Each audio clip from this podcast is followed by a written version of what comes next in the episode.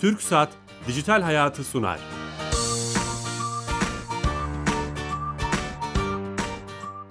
Merhaba, Kenan Bölükbaş ve Ali Fuat Gülmez'in yapımcılığını, Sedat Karabel'in teknik yönetmenliğini, Bilal Eren'in danışmanlığını yaptığı teknoloji ve sosyal medya programı Dijital Hayat başlıyor.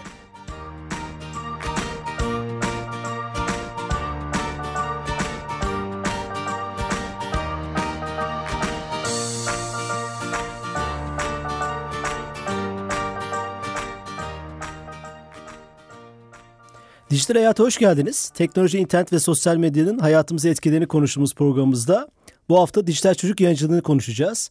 Genç nesilden, yeni nesilden yazar ve yayıncı Zeynep Sevde Paksu misafirimiz. Hoş geldiniz. Hoş bulduk. Ee, bu hafta dijital çocuk yayıncılığı konuşacağız sizinle. Program öncesinde her hafta biz şöyle bir şey yapıyoruz. Türkiye Gov.tr, sponsorumuz TürkSat'ın işlettiği, yürüttüğü hı hı. E, Türkiye Gov.tr e, hizmetinin bir özelliğini TürkSat'taki yetkili arkadaşa bağlanıyoruz ve o o bir o hafta seçtiği bir özelliği bize anlatıyor. Şimdi Anladım. telefon attığımızda Türkiye Gov.tr teknik ekibinden kıdemli uzman Sami Yenice var. Sami Bey, Sami Bey hatta olacak biraz sonra. Ee, şimdi bağlamaya çalışıyoruz. Evet Sami Bey. Aa, Bilal Bey merhabalar. Nasılsınız? Teşekkürler. Hızlı bir şekilde kullanıcılarımıza e-devlet kapısından hizmet ulaştırmak için çalışıyoruz. Süper. Sizler de iyisiniz. Biz de iyiyiz. Ee, çok değerli bir konumuz var. Ee, dijital çocuk yayıncılığı konuşacağız ama ilk önce size her hafta olduğu gibi bağlanalım istedik. Ee, bu hafta hangi servisi hizmeti bize anlatacaksınız? Ee, bu hafta dinleyicilerimize e-devlet kapısında yer alan Benim Sayfam adını verdiğimiz bir özelliğinden bahsetmek istiyorum. Tamam. Ee, Türkiye Go.tr e, türkiye.go.tr adresinden e-devlet kapısına giriş yaptığınızda sayfanın sağ üst kısmında hemen isminizin yanında yer alan Benim Sayfam düğmesine basarak hizmetlere tek tek gitmeden, ayrı ayrı ulaşmadan size ait bir takım bilgileri görüntüleyebilmektesiniz. Dava dosyalarınız, tapu bilgileriniz, Sosyal Güvenlik Kurumu hizmet dökümünüz, trafik ceza bilginiz, vergi borcunuz ve diğer pek çok bilgi. E, dilerseniz bu sayfada yer alan alanları istediğiniz şekilde güncelleyebiliyorsunuz. Yeni bilgi kutucukları ekleyebiliyorsunuz. Kişiselleştirebiliyoruz ee, yani. Aynen, aynen kesinlikle. Bunun için e, yeni hizmet ekle seçeneği e, alanı var hemen e, o sayfada, benim sayfam kısmında. Dilediğiniz bir hizmeti seçip sayfaya ekle düğmesine basmanız yeterli bu işlem için. Tamam. E, aynı zamanda bilgi kutucuklarını sürükleyip bırakarak size özel sayfanızın önceliklerini de belirleyebiliyorsunuz. E, işte Sosyal Güvenlik Kurumu hizmet dökümüm üst sırada gözüksün, daha çabuk e, gözüksün şeklinde. E, bu bilgi kutularının üzerine gelince e, bir artı işareti e, gözüküyor. Bu artı işaretinden sürükle bırak yöntemiyle sayfanızı daha da kişiselleştirebiliyorsunuz. Yani en çok kullandığımız e, servisleri tek sayfada topluyoruz bir anlamda. Doğru mu anlıyorum? Fa- favoritlerimi aynen. oluşturuyoruz. Favorilerimi oluşturuyorum bir anlamda. Aynen, aynen. Çok güzelmiş. E, dolayısıyla tek hizmetlere tek tek gitmiyorsunuz. Biz e, sizin yerinize kamu kurumlarına size ait olan bilgileri yalnızca size e, gösterdiğimiz bir sayfayı hizmet olarak sunuyoruz. Çok faydalı bir uygulama hizmet bence. Ee, çok teşekkür ediyoruz. Ben teşekkür ederim. Bir dahaki hafta İyi yeni bir yeni hizmette sizi tekrar alacağız yayına. Kolay gelsin. Tabii ki, tabii ki. İyi yayınlar, sağ olun. Sağ olun, teşekkürler. Evet Zeynep Hanım tekrar hoş geldiniz. Hoş ee, Türkiye Gov.tr'yi dinledikten sonra şimdi konumuza hızlıca girelim istiyorum. Pekala. Ee, internet kuşağı içinde doğan bir nesil var. Hı hı. Şimdi biz biraz hani dijital göçmen diyorlar ona. Biz o kuşakta doğmadık o o nesille 85 beraber. 85 ve sonrası için söyleniyor değil mi bu evet, göçmen? 90 ve sonrası. 90 ve Z sonrası. kuşağı diyorlar hatta buna. Hani bazı işte sosyologlar. Hı hı. O Z kuşağı tamam bunun içinde bu cihazlarla bu ekosistem içinde doğuyorlar. Ee, ve bütün çevrelerinde, eğitimlerinde bu cihazları zaten kullanıyorlar. Biz sonradan gördük hani tırnak içinde bir anlamda. Bu, bu, bu pencereden bakacak olursak hani dijital yayıncılık nedir? Ee, onlar için Dijital bizim yayıncılık için. aslında e, sadece e-kitaplarmış gibi algılanıyor çoğunlukla. Fakat dijital yayıncılık deyince tabii ben çocuk yayıncılığı açısından daha fazla değerlendireceğim meseleyi. E, application'lar, oyunlar, işte quiz, test sistemleri, e, hareketli kitaplar yani çok içine daldığınız zaman içinden çıkmanızın epey vakit alacağı bir derya dünya. var. Bir dünya var orada. E, yani bir e, örnek veriyorum Ezop'un masallarından birini, birini e, resimli kitap olarak yayınlayabilirsiniz basılı materyal olarak. Arkasından bunu dijital yayıncılığa geçtiğiniz zaman bunun application'ını yaparsınız. Application derken neyi kastediyorum? Eee Mesela karga ile tilki masalını aldık diyelim. Karga ve tilkinin üzerine çocuk tıkladığı zaman onları hareket ettirebileceği, karganın üzerine parmağını dokundurup kargaya kendi sesini kaydedebileceği, e, tilkiyi işte biraz daha uzakta yerleştirebileceği, yani kitaba dışarıdan müdahale edebileceği bir İnteraktif sistemle interaktif bir kitaba dönüştürebiliriz bunu. Sadece e-kitap olarak kurgulayabiliriz. E-kitap derken neyi kastediyorum? Sadece PDF olarak yer veririz. E, orada anlayamayacağı kelimeleri düşünürüz ve onun üzerine tıkladığında alttan o kelimenin anlamı çıkar. Mesela kelimesi çıkıyor. Mesela kelimesini çocuk bilmeyebilir. Mesela nedir? Örneğindir. Örnek vermek gerekirsedir. Evet. Yani onun gibi e, içinde çok basit e, programların yer alabileceği bir sadece PDF gibi bir e-kitap formatında yayınlanabilir. Quiz programı yapılabilir. O kitaptan hareketle e, soru cevap şeklinde işte sonunda ödül mekanizmalarının da yerleştirildiği bir quiz kitabına e, quiz application'ına çevrilebilir. Bunlar hep ta- şey e, akıllı telefonlar, tabletler ve laptoplar için mi acaba? Ee, tabletler için fakat aynı zamanda 3-6 yaş ya da işte 6-9 yaş için e, Fisher Price'ın ve VTech'in Çeşitli markaların özel oyuncak tabletleri var. Bunlar internete bağlanan yapılar değil. Sadece e, e-kitap ve işte bu e, interaktif kitapları okuyabilmek için geliştirilmiş oyuncak kitaplar. Şimdi 3-6 yaşın 3-6 yaş grubundaki bir çocuğun eline tabletiniz vermek istemeyebilirsiniz. Gidip işte banyoda suyun altına tutabilir, yere atabilir, parçalanabilir. Hani 500 dolarlık, 600 dolarlık bir yapıdan bahsedince Başka oyunlara girebilir. kıyamayabilirsiniz hani ona veya işte şey e, başka onu kontrol etmesi zor olabilir. Yine hani uçak modunu olarak bir şekilde belki o ayarlanabilir ama hani tableti vermeyebilir genelde ebeveynler. Onun için e, Fisher Price'ın ve bu VTech'in özel e, şeyleri var. Başka markalar da var. Bunu çok fazla üreten e, şirketler de var. Onlar da 30-40 dolarlık bir meblağla satıyorlar sanırım onları.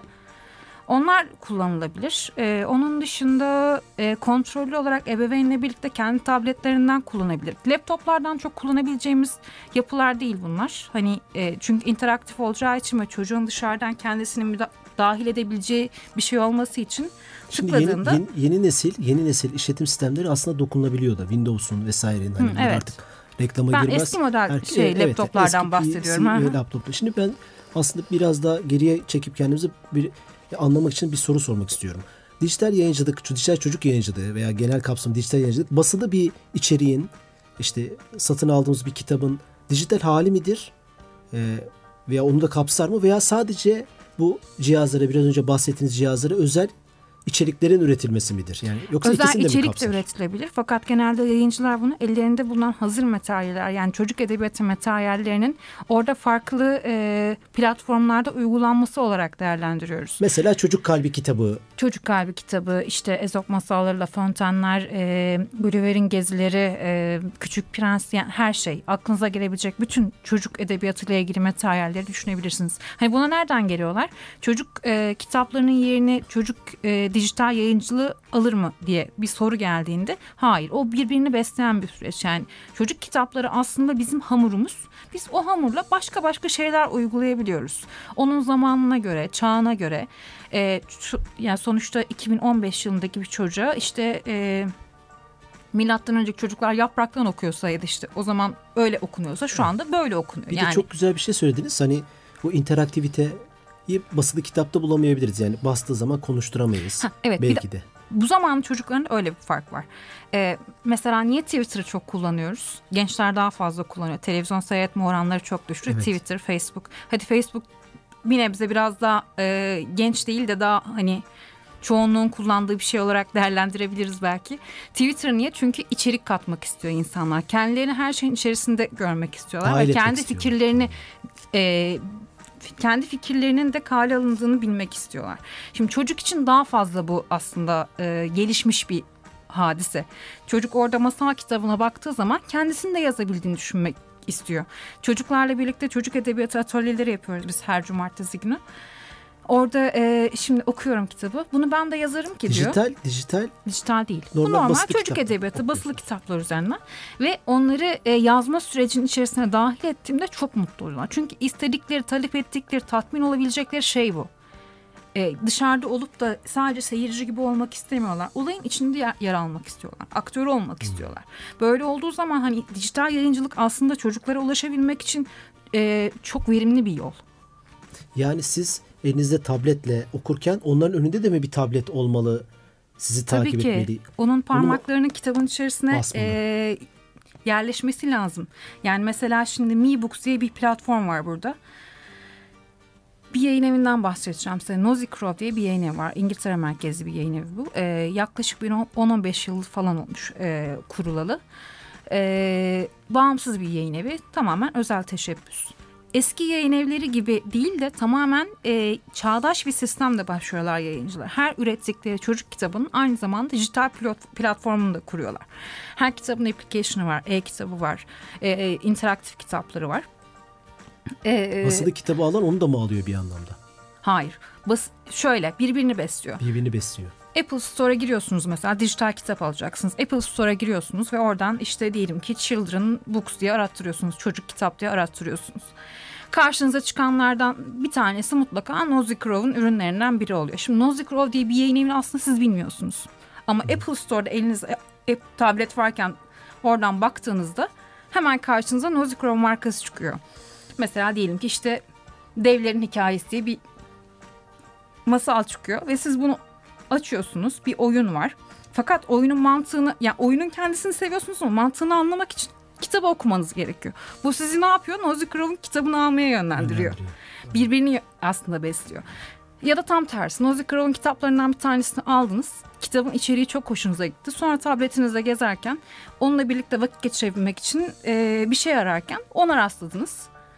E, o kitapla ilgili bir application'a rastladınız. Bu sefer kitabı tanıdığınız için markalar birbirini besliyor aslında. Peki siz bu atölyeden de bahsettiniz ya çok iyi gözlemler yapıyorsunuzdur.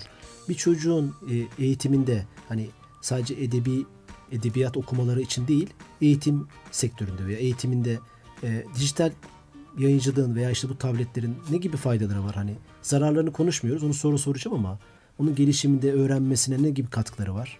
Ne- Nelerden? İlk tespitleriniz neler mesela? Hani dokunması daha mı çabuk öğreniyor mesela? Kendine özel bir platform burası. Yani e, kişiselleştirme olanakları var bu tür e, aplikasyonlarda diyelim. E, öyle olduğu zaman aslında kendine ait bir şey olarak kendi kütüphanesi gibi bunu kullanabiliyor. Oradaki rengini değiştiriyor, işte fontunu değiştirebilir, büyütüyor, küçültüyor. Yani sabit bir şey değil. Yani çocukların çoğunun hiperaktif ve yakın özellikler geliştirdiğini düşünürsek Tamam. aslında tablet veya işte e, dijital ortamlarda eğitim vermek onlar için çok daha uygun bir yöntem. Uygun derken uygun demek ne kadar doğru bilmiyorum. Sonuçta e, basılı kitaplar uygun değil mi diye bir soru çıkar buradan. Daha verimli sonuçlar alınabileceğini Mesela daha mı söyleyebiliriz. çok daha çok mu okur mesela bir çocuk? Örnek veriyorum. Ayda iki kitap okuyorsa dijital bir kitabı dört tane Böyle bir dijital. şey söyleyemeyiz. Böyle Bu bir şey çocuğun kendisine göre çok değişecek bir şeydir.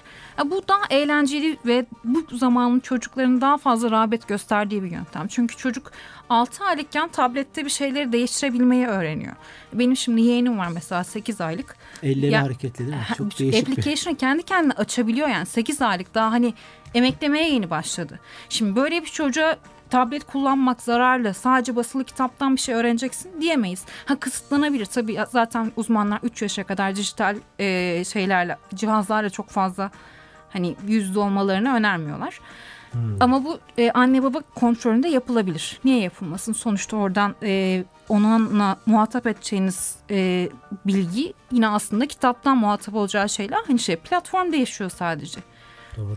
Bazı muhafazakar e, işte insanlar hani bu konuda tablet ve elektronik aletlere, akıllı Böyle bir telefona şey acayip yapamayız. karşılar. Belki de yayıncılar ve yazarlar da siz de o camiadasınız.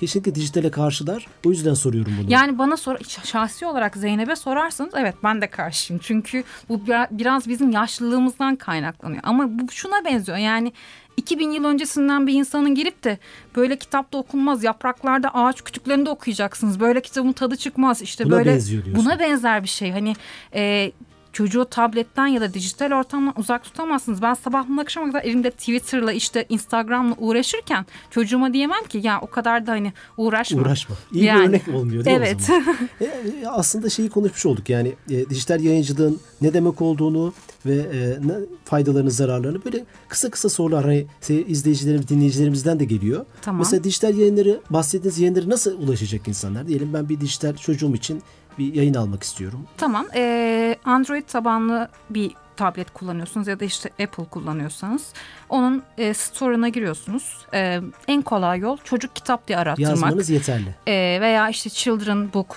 kid book diye arattırabilirsiniz ve orada karşınıza zaten bir sürü içerik çıkar. Bunların bir kısmı ücretsizdir. Tabii içeriğini siz kontrol Fiyatları ettiğinizde. Tabii tabii. Ee, bir kısmı üc- şey e, ücretsizdir. Bir kısmı da 2 dolarla 10 dolar arasında değişiyor fiyatları. Ne kadar tekabül ediyor? Yaklaşık bir 4 lirayla Be- işte dört 20 buçuk, lira. 5 TL, 20 TL. Bir kitabın maliyeti ortalama. Kitap değil aslında bunlar. Application. Dijital uygulama. Yani sadece mesela sadece kitap aldığınızı düşünelim. Şu anda önünde kırmızı başlıklı kızın kitabı var. Sayfaları çeviriyorsunuz. Türkçe mi peki? Türkçe içerikte var Türkçe mı? çok fazla içeriğimiz yok maalesef. Siz maalesef. giriyor musunuz taze kitap olarak? Ee, biz çok yakında bununla ilgili e, bir girişimde bulunuyoruz. Yazarlarımız ve çizerlerimiz bir araya geldi. Dijital yayıncılık anlamında.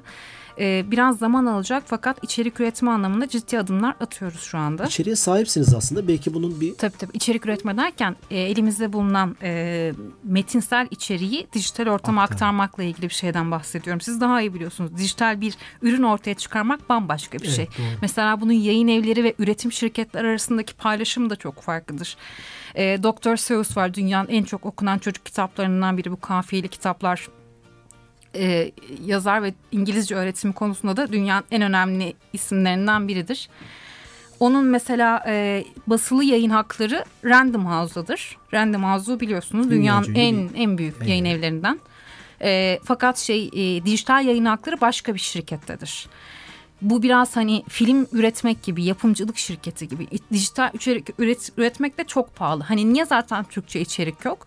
Şimdi e, insanlarda, alıcılarda böyle bir talep olması lazım ki yayıncılar da bununla ilgili bir sermaye ortaya koyup arkasından üretime geçebilsinler. Bir e, arz oluşturabilsinler.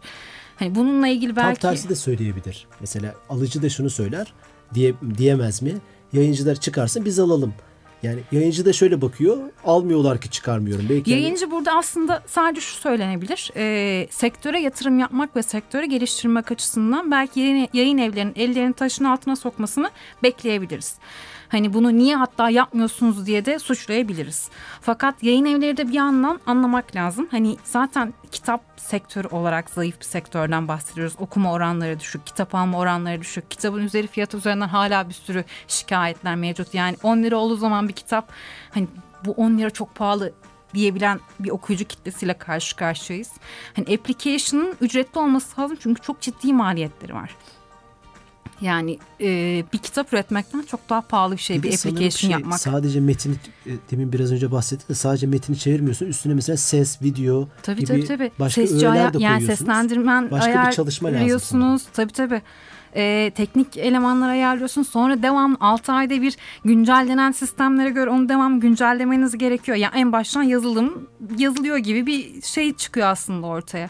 Devamlı e, kendi kendine masraf üreten bir sistem olduğu için de yayın evlerinin buna kalkışmamasını ben anlayışla karşılıyorum. bunu şöyle, şöyle Fakat söyleyebiliriz. Belki. Şunu yapmaları lazım. Sektöre yatırım yapmak için ve sektörü geliştirebilmek için ve kendi kitaplarının hani gazeteye, işte Twitter'a ya da işte e, sponsorluk sistemleri reklam verir gibi application olarak kitabın tanıtımını yapmak üzere bir e, yatırım yapılabilir. Siz Belki şey şu söylenebilir. Hani dinleyiciler açısından da söylüyorum. Tabii dinleyiciler e, ucuz kitap veya ücretsiz beklenti içinde. Özellikle akıllı telefon bir tablet sahipleri işte çocukları için. Ama buna bu burada büyük bir emek var. Hani bir bütçe ayrılması gerekir ki buna o emeğinin karşılığı verilsin ve e, ikinci, üçüncü kitabı yayın evi daha iyi bir kitap çıkarabilsin. Oradan biraz hani ekonomik olarak o şeyin karşılığını Evet. alabilsin yaptığı Evet. çalışmanın. Bu da şuradan kaynaklanıyor aslında. Şimdi şey Twitter'a, gibi. Facebook'a, işte Instagram'a girerken insanlar bir para vermiyorlar.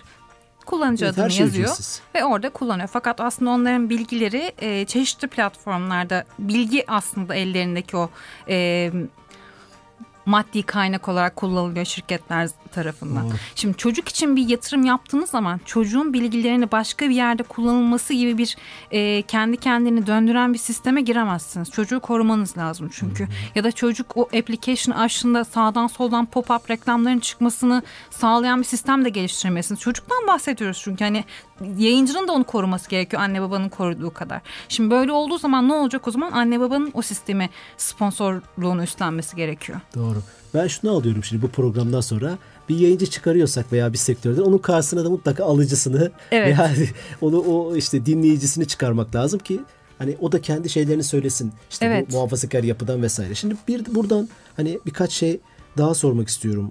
Size izin verirseniz. Tabii. Ee, yayın evlerini veya işte engelleyen şeyleri de sebep konuşmuş olduk. Yayıncılar nasıl bakıyor onu konuşmuş olduk. Siz neler yapıyorsunuz? Hani ben özellikle sizin e, Taze kitaptan e, konuk etmişken sizin neler yaptığınızı merak ediyorum. Yani basılı kitap anlamında olsun, dijital ortamlarda olsun. Bildiğim kadarıyla Twitter'ı çok iyi kullanıyorsunuz. Ama hani bu mecralar için neler yapıyor taze kitap? Taze kitap şu ana kadar hani e, nihai tüketicinin görebileceği bir dijital materyal üretmiş değil. E, fakat çocuk kitabı ve çocuk dergileri Bu programa özel bir tarih verir misiniz? ne zaman çıkacak? söz verip altında kalmak istemiyorum. E, 2015'in son ayları diyelim. Olur mu? Bir, bir, bir hedefiniz var yani o tabii anlamda. tabii. Yani eğitim öğretim yolunda en azından bir iki ürünümüz çıkmış olacak. Peki sizin yazdığınız birçok eser var sanırım. Onun üzerinde bu bu eserleri dijitale çevirmek isterse birisi herhalde gelip sizinle anlaşması lazım. Bizim çıkardığım, ha benim Evet, kendi eserlerim. evet, evet. Onlarda e, Türkiye'de henüz hukuksal anlamda telif anlaşmalarında öyle bir ayrım yok. Yani benim kitaplarımın bütün dijital hakları da o yayın evlerinde. İlk çıkan yayın evlerinde. Çünkü onlar çıkalı çok uzun zaman oldu. 6-7 yıl oldu. Hani e, işte en son çıkanların 2 yıl oldu sözleşmeleri imzalayalı. O zaman da dijital yayın hakları ve basılı yayın hakları ayrışması gibi bir şey gündem, gündemimizde yoktu. Bir de çok hızlı gelişiyor gerçekten sektör. Yani Evet. her sene yeni bir madde ekleniyor öğrenilmesi gereken şeylere. Biz neler yapıyoruz? Ee, çeşitli kurumlar için dergiler ve çocuk kitapları hazırlıyoruz. Onun dışında özel olarak kendi projelerimizi de hazırlıyoruz ve bunları e, bazı zamanlar sponsor eşliğinde bazı zamanlar kendi bütçemizle yayınlayıp işte okuyucuyla buluşturuyoruz. Tamamen çocuk kitapları, çocuk edebiyatı üzerine e, çalışan bir ekiple çalışmaktayız. Bunu söyleyebilirim. Şunu soracağım. Peki e, di- dinleyicilerimiz için bu dijital çocuk yayıncıları için bir fuar var mı Türkiye'de? Aa, e, Türkiye'de yok ama dünyada yok. Bolonya'dan Nasıl- mutlaka bahsetmem nasıl- lazım. Nasıl ki ulaştıracak, nasıl ulaşacak insanlar bu yayınlara? E, dijital yayıncılıkla, dijital yayın üretimiyle e, ilgilenen bir insanın mutlaka Bologna Çocuk Yayınları Fuarı'na gitmesi lazım. Bologna Çocuk Yayınları Fuarı'nda işte biz yaklaşık bir 8-9 yıldır gidiyoruz oraya her yıl. Ve her sene çocuk yayınlarını, e, özür dilerim, dijital yayıncılığa ayrılan alan e, devamlı büyüyor. Çünkü bu alanda daha fazla insan üretim yapmaya başlıyor. Daha fazla yayıncı üretim yapmaya başlıyor. E, Bologna Çocuk Yayınları Fuarı'nın aynı zamanda her sene düzenlediği bir ödül programı var. Geçen sene 2014 yılında mesela 174 yayıncı Siz başvurdu. katıldınız mı hiç oraya? Hayır katılmadık. Yani e, iddialı bir ürünle gitmek lazım. Hani kimseyi engellemiyorlar. Herkes katılsın diyorlar ama bir ödül programına başvururken hani o özgüvenle gitmek gerektiğini düşündüğümüz için biz katılmadık henüz. Ama neden olmasın 2016'da katılabiliriz diye düşünüyorum. Türkiye'den Ee, var mıydı? Türkiye masası veya Türkiye Türkiye'nin her sene e, ulusal standı oluyor orada. Kültür Bakanlığı standı oluyor ve orada bütün yayın evleri de kendi e, raflarını bulunduruyorlar. E, Türkiye'den giden işte çocuk yayınlarında diyelim ki 15 yayın evinin en azından orada kendi rafları bulunuyor ve orada kendi kitaplarını sergiliyorlar. basılı kitapları ama. Basılı kitaplardan bahsediyorum. Yani dijital yayıncılık anlamında ithalat seviyesine gelmiş bir Ürününüz özür dilerim ihracat seviyesine gelmiş bir e, aşamada değiliz şu anda Ben bir şey benim söyleyeceğim. gördüğüm Sizin kadarıyla. bir projeniz vardı. E, konuşmuştuk. Yunus Emre Enstitüsü ile alakalı. Oradaki yayınlar mesela ne aşamada? Ee, onlar kendi Dijital Z kitaplarını yapıyorlar. Yani onlar dijital anlamda kendi yayınlarını çıkarıyorlar şu anda. O kadar da kötü değiliz aslında sanırım. Bazı kurumlar Fakat bunlar bu çocuk yayını değil. çocuk yayını değil. Ha, bunlar eğitimsel materyal. Ee, Ama çocuk, dil öğrenmeye yönelikti. Türkçe. Evet, evet, E, tamam bir, bir- hangi yaş aralıkları için? Örneğin 5 yaşında Ee, bir çocuk bir yaş sınırı yok. Yani şu, mı? şöyle düşünün bizim ilk şey lisede ortaokulda öğrendiğimiz Highlights, Headway gibi İngilizce kitapları var. Onlar hani hangi yaş grubuna hitap eder derseniz bir yaş grubu söyleyemeyiz. Onun gibi onlar da yani her yaş grubuna hitap eden e, dil öğretim kitapları. Son olarak işte son bir, bir buçuk dakikamız var. Ben size kişisel olarak hem de programın konseptine uygun olarak Sosyal medyayı iyi kullanıyorsunuz. Nasıl nasıl bir diliniz var? İşte onun üzerinden kaç verirsiniz kendinize? Kendime puan vereyim. Anladım. Bunu ben bir şey söyleyemem maalesef. Ama kendinize ait bir kitleniz var gördüğüm kadarıyla. Ee, Yani nasıl bir iletişim yapıyorsunuz?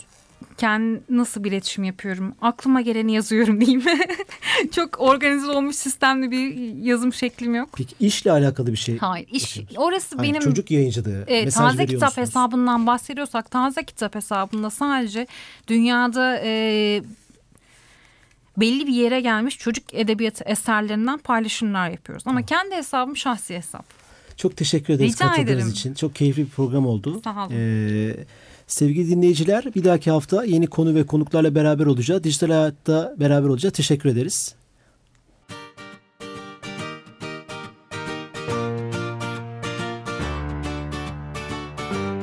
Türk Saat Dijital Hayatı sondu.